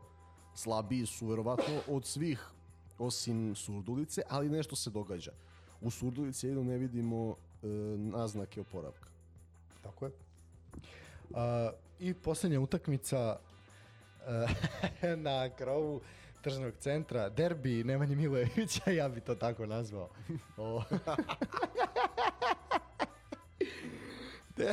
Derbi Dela Milojevića, ovaj, šalim se naravno. A, eto, da, Milojević se jeste susreo sa svojim bivšim klubom.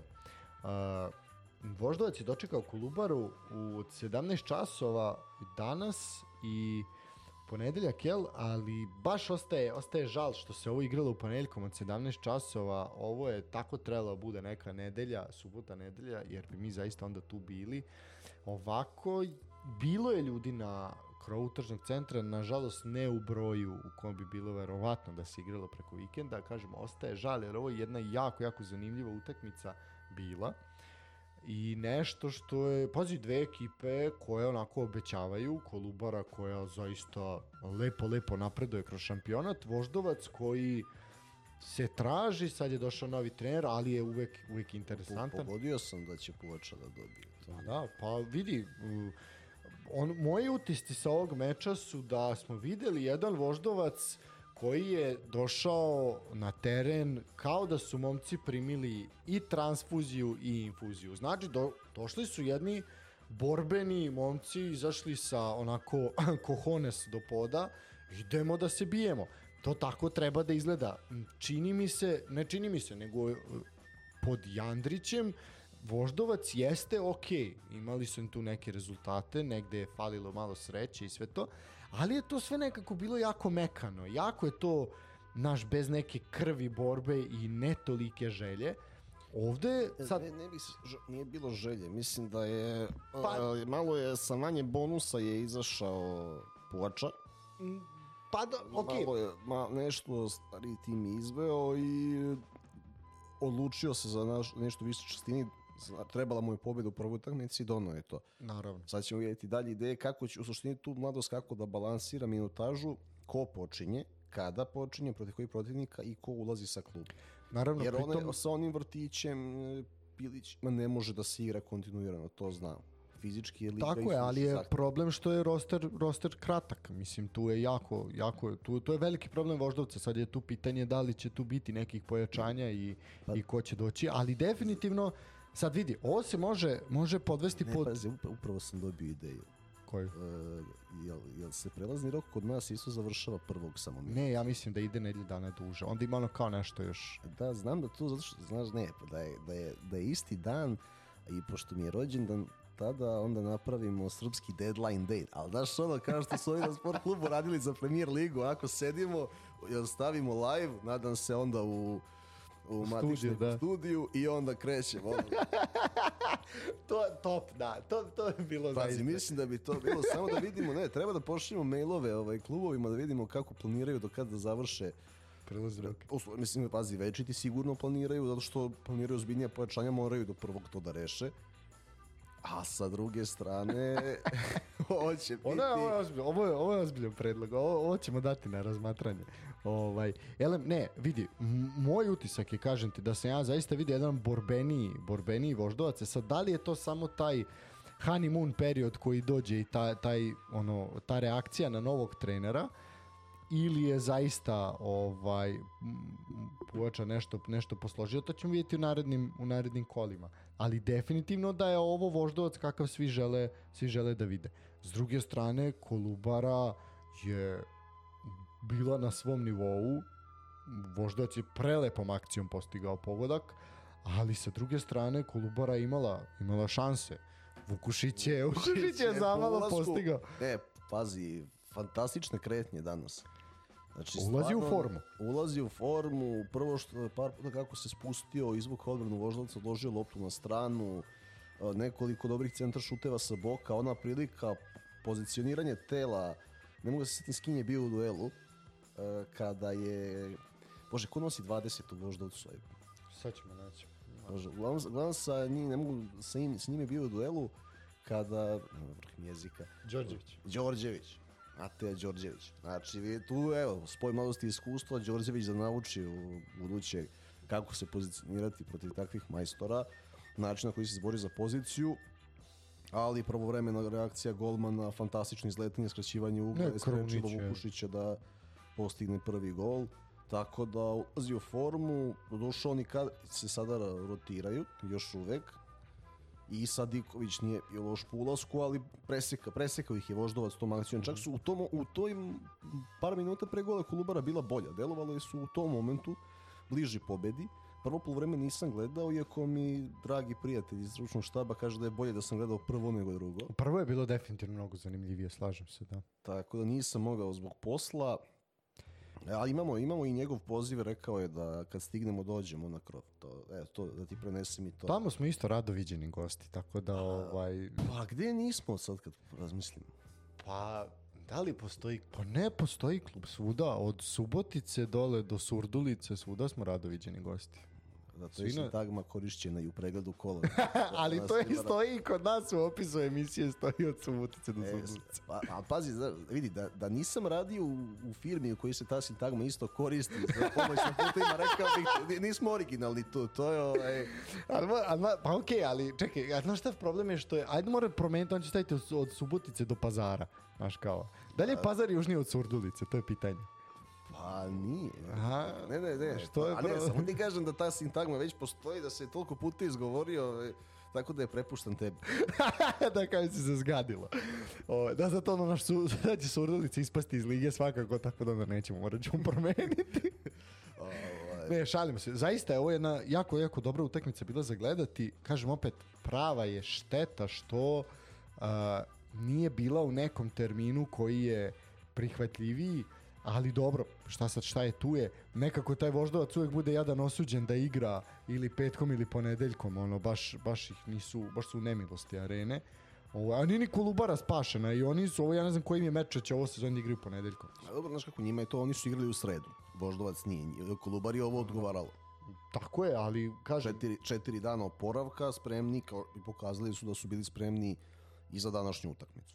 Sve u svemu jedna jako, jako lepa, lepa utakmica i raduje Reci mi samo, da li je u prvom polovremenu Đurđević igrao sa trojicom ili četvoricom pozadi? a, sa četvoricom je bio. To što prošli put ono sa trojicom je odlično funkcionisalo. Da, pa dobro je. Mislim, Tako, nije ni ovo bilo loše, ali eto, pokazuje on određenu taktičku fleksibilnost i da mogu da igraju jednu i drugu varijantu, što je odlično za njih.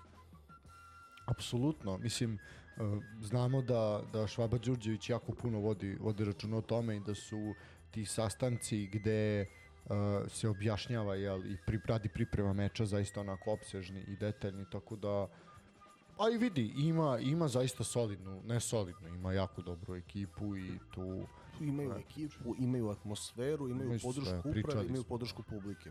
to je to. To je sve što ti treba. odličan ambijent i protiv radničkog. Tako je. Pa vidi, imaš ono što je, ovaj, igraš, kad igraš srcem i mozgom i onda ćeš i privući publiku, kad privučeš i publiku, to je to. A imaš svega, sve je prisutno u ekipi, znači imaš i ko igra glavom i ko igra srcem i samim tim i Pa, podrška pazi, ja ću prisutna. sad reći jednu stvar. Oni kad bi sad uradili dobar zimski i naredni letnji prelazni rok, ja se ne bih iznaju da ih vidim u borbi za Evropu. Pa vidi, to je i najavljeno. Mislim, meni su 23-24. se meni su se ljudi, meni su se ljudi smejali, ali to je najavljeno da Kolubara se bori za Evropu ove sezone. To je predsjednik kluba najavio sad. Naravno, plan je, plan je takav, cilj je takav. A, Pazi, ove iz prikrajka objekti. naravno, s tim da imaš jel, pet mesta realno koje vode. M, Playoff bi bio zaista... Mesto je u play-offu. Po ovome sada prikazanom mesto je u play-offu. Naravno, mislim, rano je da mi tu sad podlačimo neke crte. Sedam kola je tek pritom poprilično nepotpunih, jel? Ovaj, tako da, ali negde ćemo napraviti taj neki presek, negde tamo, možda posle desetog, pa ćemo vidjeti ko je gde. E, dobro, ja bih išao na tabelu, pa bih najavio ovaj, najavio naredno kolo. Znači ovako, što se tiče tabele, Crvena zvezda je prva sa 15 bodova i 5 utakmica, znači dve manje. Čukarički ima utakmicu manje i 13 bodova.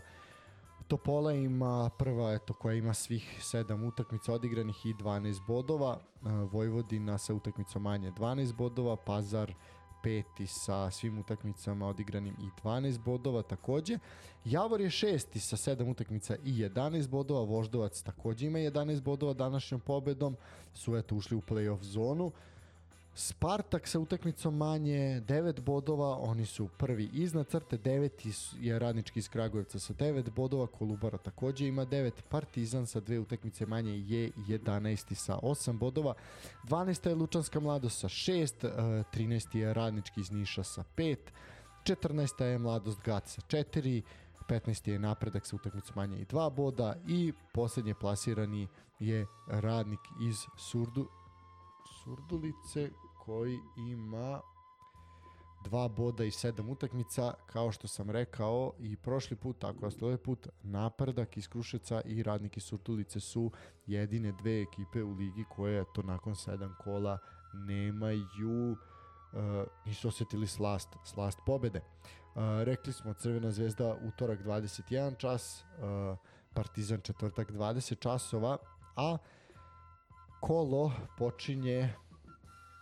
25. u četvrtak, s tim da ja ovde imam da će eventualno odložena utakmica biti odigrana a, da li će biti odigrana nešto se pričalo Da vidimo samo da li je to zvanično ili se od toga odustalo. Ne, od toga se odustalo.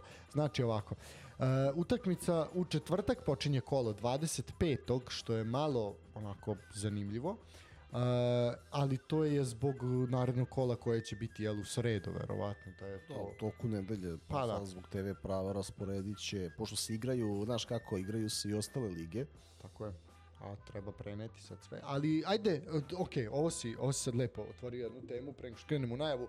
Moram da pohvalim Arenu Sport koja je fan se lepo, lepo snašla sa prenosima svih liga i konačno su pustili u promet kanale više, kanale 5, 6, 7 i 8. Ovaj, osmicu ne, ali sedmicu da. Ovaj, tako da ste, na primjer, na petici u nedelju imali konstantno prenose HNL-a, na primjer, i u, i, pa i u subotu. Ovaj, a na primjer imali ste u subotu i prenose BH Premier Lige isto na petici, tako da je to jedan kanal na kom su išli neki dokumentarni filmovi koji ja mislim da ono manje više ne zanimaju nikoga ili zanimaju manji broj publike odnosno one koji će pogledati utakmicu Hajduka i Lokomotive ovaj, ili Dinama i Osijeka svakako. Tako da je to jedna onako pohvala i to je negde bilo i za očekivati da će da je to logično da urade. Tako da za sada ja ne vidim da se ispašta što se tiče naših naših ovih regionalnih liga, ali eto, malo mi se taj termin ponedeljkom od 5 ne sviđa, to moram priznati. pazi, ali je bar na Areni Premium 1, recimo, uh, Slažem se. naša liga je danas imala prednost na Premiumu 1 u odnosu na Romu i Cremoneze. Slažem se. Pritom u Ro, uh, je Roma klub u kojem igraju i srpski internacionalci. Znači, nešto što ljude sada zanima, Mourinho uvek zanima ljude, plus Plus sad Matić, kad ima Matića, plus naravno. Da. Spilar i opet je opet su Voždovac i Kolubara dobili prednost. No, je su odigrali dinamičniju utakmicu. pa dobro. Tako da, Ovaj. eto, to je recimo potez Znači, Arena za sada sklapa šemu tako da kada može domaći futbal i na premium kanalima. Tako je. Kažem, meni se taj termin ponedeljkom u 5 ne sviđa jedino isključivo zato što je onda onemogućuješ ljude da dođu na stadion. To je jedino što meni, zašto se meni to ne sviđa. Ti ćeš stići da ti stigneš kući da upališ da gledaš utakmicu. Ok, ti stižeš, ali ne možeš otići na stadion, razumeš? To je malo nezgodno. To je, to je, to je jedini minus. Sad, e, znaš kako, ne može, ne može idealno niti jednostavno uklopiti sve. Naravno, preveliko je A to. sa, a sa druge strane, e, pf, nema voždovac tu vrstu publike, niti Isto. je Lazarevac toliko daleko od Beograda, i, pazi, mislim taj projekat stadiona znamo kako je ispalo, ne mogu nikad imaju pun kapacitet Da. i pune tribine, tako da u suštini oni najverniji su bili na krovu i za njih to nije problem. Ali mi nismo, ja ovo pričam zato što mi nismo stigli Pa, da odemo, to je dobro, problem. znaš kako, mi smo tamo, postajemo poludomaći što se tiče komunikacije, tako da ja se nadam samo da se ne, neće mijenjati dalje stručni štab u velikoj meri, plus e, tvoji kontakti sa druge strane i Biće, idemo na krov, bit ćemo uvršćeni. meni je Bit ćemo žao, ja bolje nego admin e, Javor Matis. sigurno, sigurno. E, ajmo na priču, znači o narednom kolu. Osmo kolo, kao što smo rekli, počinje u e, četvrtak. Počinje u četvrtak od 18 časova će radnik u Surdulici dočekati Vojvodinu. Šta kažeš? Pa očekujem pobedu u Vojvodini nakon ovog X-a. Teško da će radnik da se vadi na Vojvodini. Ja kažem, dobro, znači ti kažeš dvojka, ja ću reći gost daje dva ili više. Petak, 18 časova na Karadžorđu mladost dočekuje Novi Pazar. Opa. Mm, ja, e, kažem Cats X. Uuu, huhuhu. Dobro. Pa ja ću ti udariti kontru, reći x2. E, dobro, to je što se tiče... Imamo još jednu utakmicu u petak. U petak je radnički niš napredak. Mm, I ovo je- Boga mi interesantno kolo. Da. Da, da. Radnički niš, napredak, e, poluvreme ili kraj X. Dobro. To je Niš. A ja ću reći... Ja ću reći da oba tima daju gol. E, pa, poluvreme ili kraj. Aha, poluvreme ili kraj, izvini. E, to. A, dobro. Petak se zatvara u Subotici. Petak se zatvara u Subotici utakmicom između Spartaka i TSC. Evo bi se čak možda moglo i pogledati, mislim, uživo. Spartak, TSC, Subotica, 20 časova, petak. Tako, što se tiče uživo ćemo se govorimo. Što se tiče utakmice X kla klasične. Ja ću i ovde reći da oba tima daju gol. A, subota, 18 časova, mladost u Lučanima dočekuje Voždovac. E, tu ću reći da oba tima daju gol. Dobro. Ja ću reći... Ja ću reći x2. A, 20 časova, subota, u Lazarevac stiže Čukarički. E, ovo je ozbiljno utakmica. Vidi, ja bih preišao u Lazarevac u Suboticu. Mislim, išao bi na jedno i drugo, nego znam da neću moći oba da izvedem, verovatno, zbog obaveza. Ali ovo Ako me pitaš, ako me pitaš gde ćemo pre, A ovo Lazarevac bi mogao. Ovo je ozbiljna, ozbiljna priča u Lazarevcu. i to je, ove, sam, dobro da, ne, ne može, ne može Soko, ali može Ozlem Turs u povratu. Dobro. Ovaj, vidjet ćemo. E, Kolubara Čukarički, e, kažem Cat X, neće ti ovaj, da izgube dve za red. Ja mislim da će i ovde, ja verujem da će ovo kolo biti, naše vrućine su splase, ovo mora biti efikasno kolo. Uh, gol, gol isto. Uh, 20 i 30, subota, Crvena zvezda Javor. Pa, šta će, mislim. Šta ovde ovo je? A nema šta, Keci domaćin daje tri. Ja ću reći 4 plus ukupno. Uh, nedelja od 17 časova u Kragujevcu radnički 1923 protiv Partizana. Dvojka. Pa, mislim da tu sem, aj reći ću aj da se razlikom reći u gost daje dva ili više. I tam, taman to je pad vrućine, možemo možda potencijalno očekivati neki pogodak Bibrsa Natha u Kragujevcu ako bude igrao. Mislim da je, da je vreme da dođe sebi malo na ovih 20 stepeni. To je manje više to što se tiče naše lige. Uh, manje više smo sve rekli, pa dobri smo, opet ćemo na sat i po. Uh, ja bih pohvalio, ovaj, mislim da je to nešto mislim, sa čim treba da sa čim treba da završimo, a to je definitivno ovo što se a, ovo što se dešava na ovom prvenstvu u atletici. Zaista, eto, četiri medalje za sad imamo osvojene i što je jako, jako, jako lepo. A, Evropsko prvenstvo je u pitanju i tre, u toku je još uvek, kako mislim, možda dalje završeno ili nije.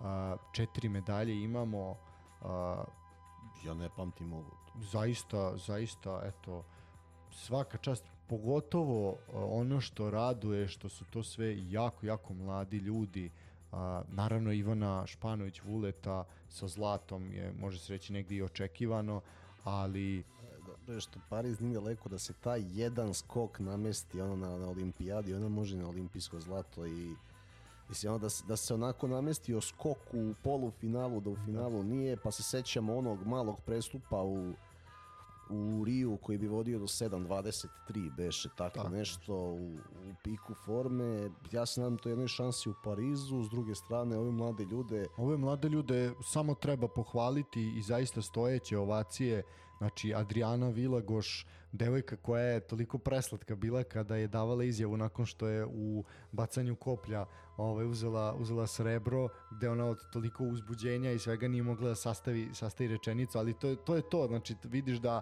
neko ko ono ima koliko, 19 godina, ako ima i toliko, tako nešto, da, izuzetno je.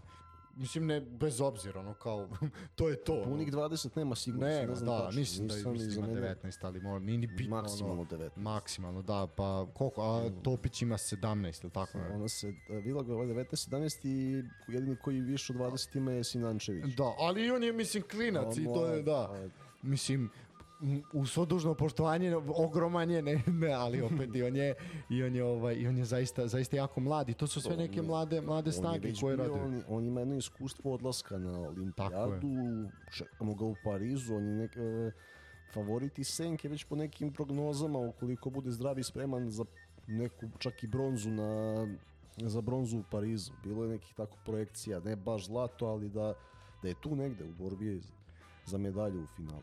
svakako njemu isto čestitke na srebrnoj medalji. Adriana kažem isto isto zaista zaista fantastično. I ta neka priča je bila za koga će Adriana nastupati s obzirom da je a, mađarskog porekla ali je definitivno definitivno ovaj tu svaka dilema otklonjena. I jako ne volim te priče ko će za koga nastupati. I pre sad kad pohvalimo sve ove onda ćemo malo kritikovati na neku drugu stranu A, što se tiče Adriane, zaista svaka čast za koplje i naravno juče je Angelina Topić ovaj, zaista a, onako obradovala, obradovala sve i devojka koja ima 17 godina, a, čerka naravno Dragutina i Biljane i Ja, šta očekivati Šta nego da... genetika? Pa da, mislim, ali jako je, jako je simpatičan bio Dragutin koji je ujedno i trener, je li onako kamera ga je, kamera ga je snimala i bilo je, naš kao, nije lako biti trener, ali nije lako biti ni, biti ni otac, tako da zaista, zaista svaka A, čast. imam, imam pitanje za tebe. E, Šta misliš koga sam se setio ovaj, ovih dana, baš zbog toga? Ajde, A, našeg Duška Koraća.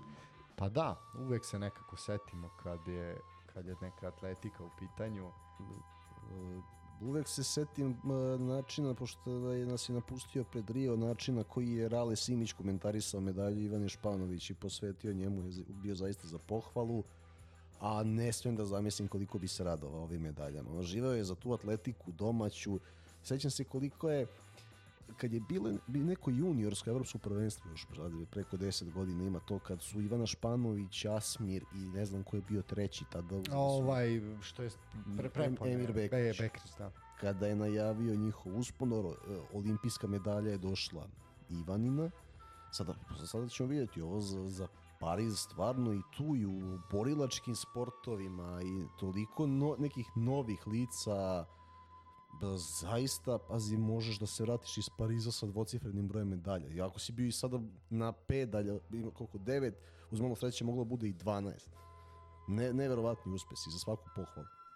Tako je. Uh, zaista, nema šta kažem, jako raduje, jako raduje što su to jedni, jedni, jedni mladi, mladi ljudi, a, ali svakako im želimo naravno puno, puno, ovaj, puno, puno sreće. E sad, imam jednu, namerno sam ovu pokrenuo i ovo sam skrenuo pažnju na ovu priču o Adriani, jer se nešto slično dešava i dešavalo u regionu u prethodnom periodu. Svi smo čuli ili makar videli uh, ime Lane Pudar i svima nam je jasno ovaj, uglavnom ko prati o čemu se radi. U pitanju je 16-godišnja Mostarka koja u plivanju razvaljuje i onako baš je jedna, jedna senzacija ovaj širom širom Evrope i sveta zaista onako uzima uzima devojka medalje i sad je na evropsko prvenstvo uzela uzela medalju naravno zlato. Uh, I odmah je odmah su naši tabloidi skočili ovaj mislim reći ću koji ali a ili da ne spominjem nisu zaslužili da im se spomene ime.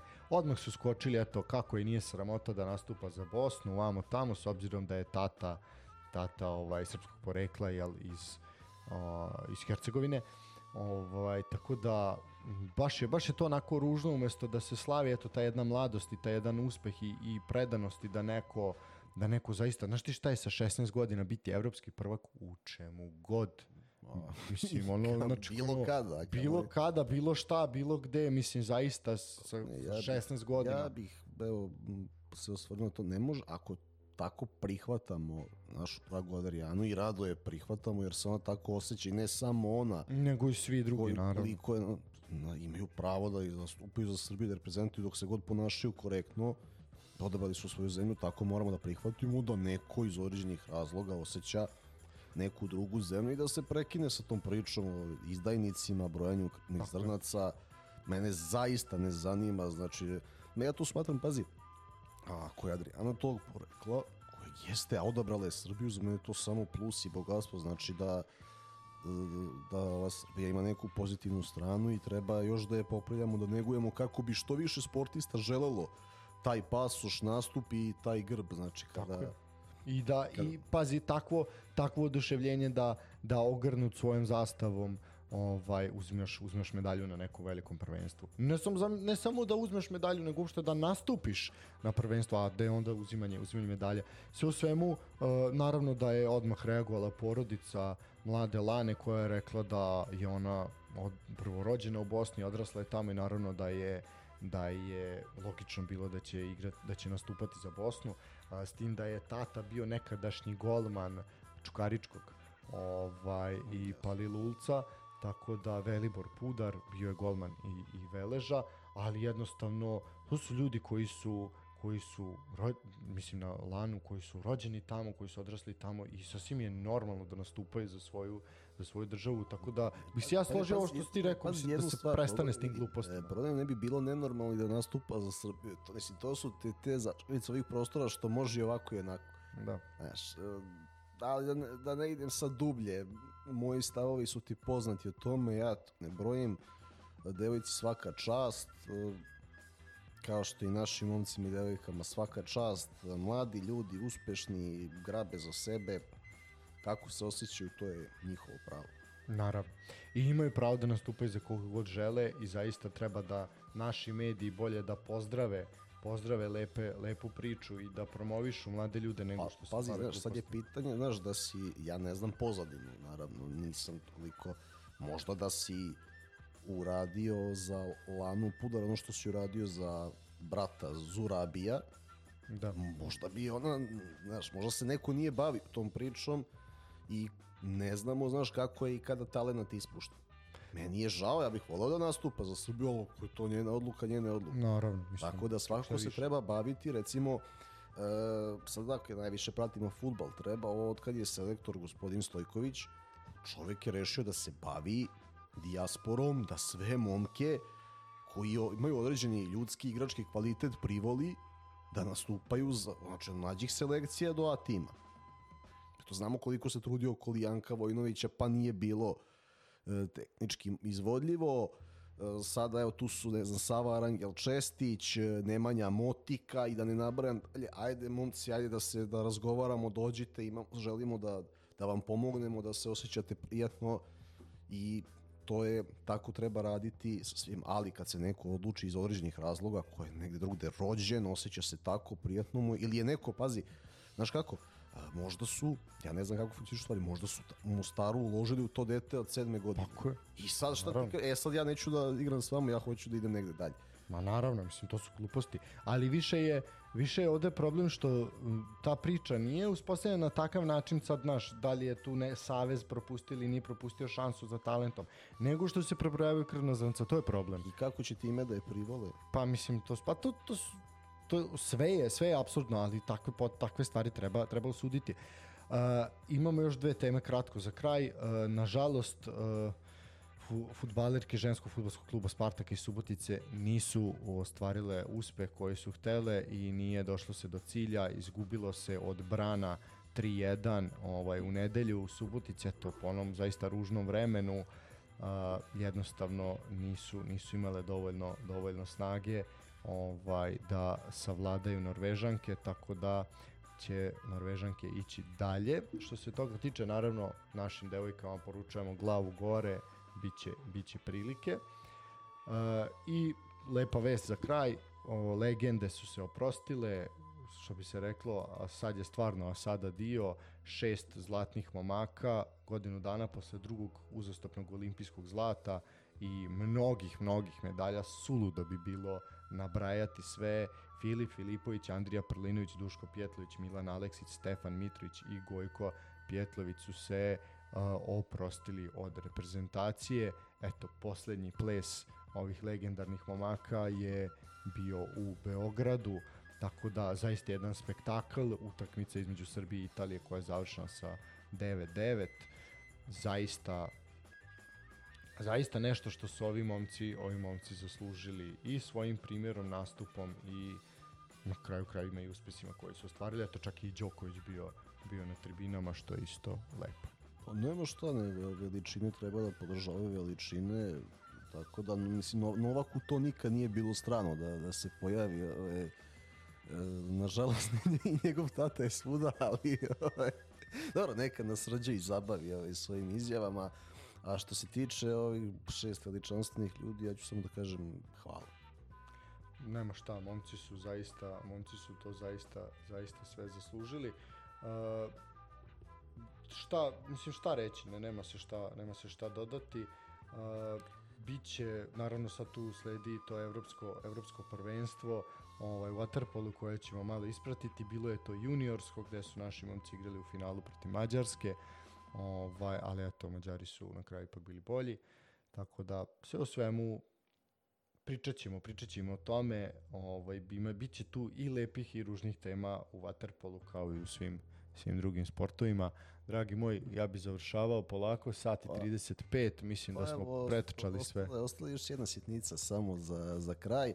Obzirom na to da je zaista, mislim da je najveće iznenađenje nedelje bila formacija Gordana Petrića i to što Natho nije počeo. To stvarno niko nije očekivao, niti najavio. A, ja bih mu ovaj, evo, u nekoj novoj tradiciji sa bugarskim turbo folkom posvetio pesmu od Azisa A sam zagadka ili ti prevodu Ja sam enigma. To je to. To je to. Sa Bugarima se odjavljujemo jer sa Bugarima možeš samo da se odjaviš. E, ljudi, hvala što nas slušate. E, evo, ova ilegala se zaista bliži, bliži kraju. Ono prošlo smo izgurali ovaj, baš u ilegali, ilegale. Sad se polako vraćamo i uskoro se nadamo, čujemo E, nadam se čujemo u uživo terminu našem standardnom sa muzikom, sa onako kako jedna radijska emisija zaista treba da zvuči, ali definitivno imaćemo, imaćemo još mnogo, mnogo noviteta. E, to je to. Pozdravljamo vas za ovaj ponedeljak, 22. avgust. Čujemo se kroz 7 dana. Uživajte, prijatno.